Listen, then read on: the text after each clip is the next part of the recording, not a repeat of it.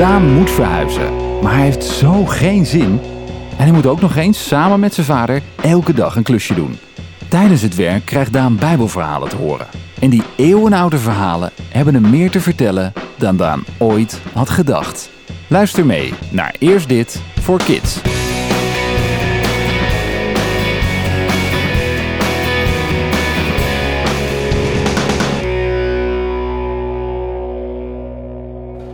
Daan, tijd voor een klus. Kom mee naar zolder. Waarom?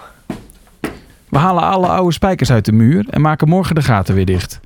Kunnen de nieuwe bewoners dat niet doen? Nee, we hebben afgesproken alle gaten dicht te maken. Als we hier gewoon blijven wonen, hoeven we dit niet te doen hoor. Daan, we hebben het hier al eens eerder over gehad. We gaan verhuizen. Punt. Maar ik wil niet naar een andere school. Kom op, hier is een klauwhamer, dan gaan we aan de slag. Oké dan. Hoe ging het verder met koning Hercules? Dit verhaal kun je lezen in Matthäus 2. Nee, koning Herodes. Die raakte in de stress omdat de wijzen hadden verteld dat er een Joodse koning geboren moest zijn. Daarom geeft hij het bevel om te zoeken in de oude geschriften naar voorspellingen en beloftes om te ontdekken of er iets over die nieuwe koning geschreven stond. En hij komt erachter dat er een voorspelling is die vertelt dat in Bethlehem een leider geboren zal worden, die als een herder voor Israël zal zorgen. Papa, Ja, deze spijker is gedraaid. dat is een schroef. Hier, een schroevendraaier. Nou, koning Herodes regelt direct een geheime vergadering met de wijze mannen. Hij wil precies weten wanneer ze de ster voor het eerst hebben gezien. Daarnaast geeft hij hen de volgende opdracht. Ga naar Bethlehem en zoek uit waar dat kind is. Als jullie hem gevonden hebben, moet je dat ook aan mij komen vertellen. Dan kan ik hem ook bewonderen en cadeaus geven.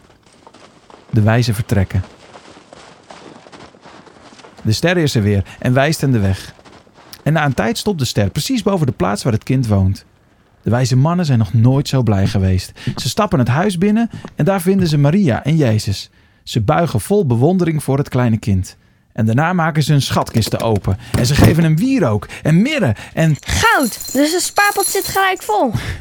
ja, en, en als het tijd is om terug te gaan naar huis, dan krijgen de wijze mannen van God een droom. Daarin waarschuwt hij hen om niet naar Herodes terug te gaan. De wijzen nemen een andere route naar huis. En dat is maar goed ook. Waarom is het maar goed dat ze via een andere weg gaan?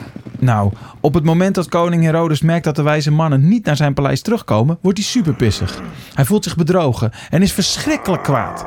Zijn gedachten draaien op volle toeren, want een nieuwe koning is een groot gevaar voor hem. Er kan tenslotte maar één iemand koning zijn. Hmm, denkt hij, als die wijze mannen de ster toen en toen gezien hebben, ja, dan kan dat kind nooit ouder zijn dan een jaar of twee. Soldaten, Ga naar Bethlehem. Zoek en vind in en om dat dorp alle jongetjes tussen de 0 en 2 jaar. En maak ze dood. What the... Nee toch. Ja, helaas wel. De soldaten gaan naar Bethlehem, doden alle jongetjes tot 2 jaar. Ugh, jakkes.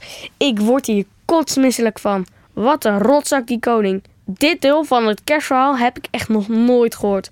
Maar ja, ik zou zijn bloederig verhaal ook niet in een kerstmusical stoppen. En wat gebeurde er met Jezus? Vonden ze hem? Nou, Jozef, de vader van Jezus, kreeg een droom. In die droom zag hij een engel die zei: Sta op, je moet met Maria en het kind naar Egypte vluchten. Daar moeten jullie blijven totdat ik zeg dat jullie terug mogen gaan. Want Herodes is op zoek naar het kind. Hij wil het doden. En diezelfde nacht nog pakten ze hun spullen.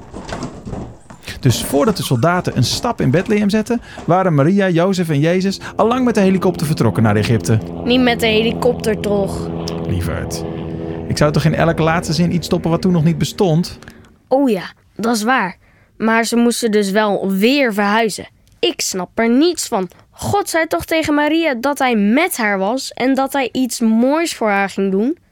Nou, ik vind dit verhaal echt helemaal niet mooi. En het is toch ook niet chill om midden in de nacht te moeten vluchten? Ja, goede vraag. Ik denk, als God zegt dat hij bij je is, dat het niet betekent dat je nooit in moeilijke situaties terecht zal komen. Of dat je nooit problemen of een rotdag hebt. Hij belooft dat hij bij je is. En als God bij je is, dan zal hij je helpen. Elke dag. Of het nu een leuke is of een vervelende. Hier, trek deze spijker er nog even uit. Hoe lang bleven ze trouwens in Egypte wonen? Dat vertel ik morgen. Want dit verhaal is nog lang niet afgelopen. Maar alle spijkers zijn uit de muur. Deze klus is geklaard. Gelukkig is er morgen weer een. Nou, zeker gelukkig.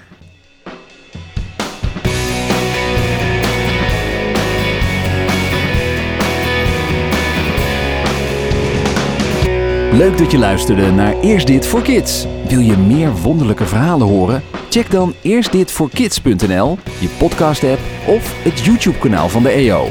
Eerst Dit voor Kids wordt gemaakt door de Evangelische Omroep, IZB en NPO ZEP. Tot morgen!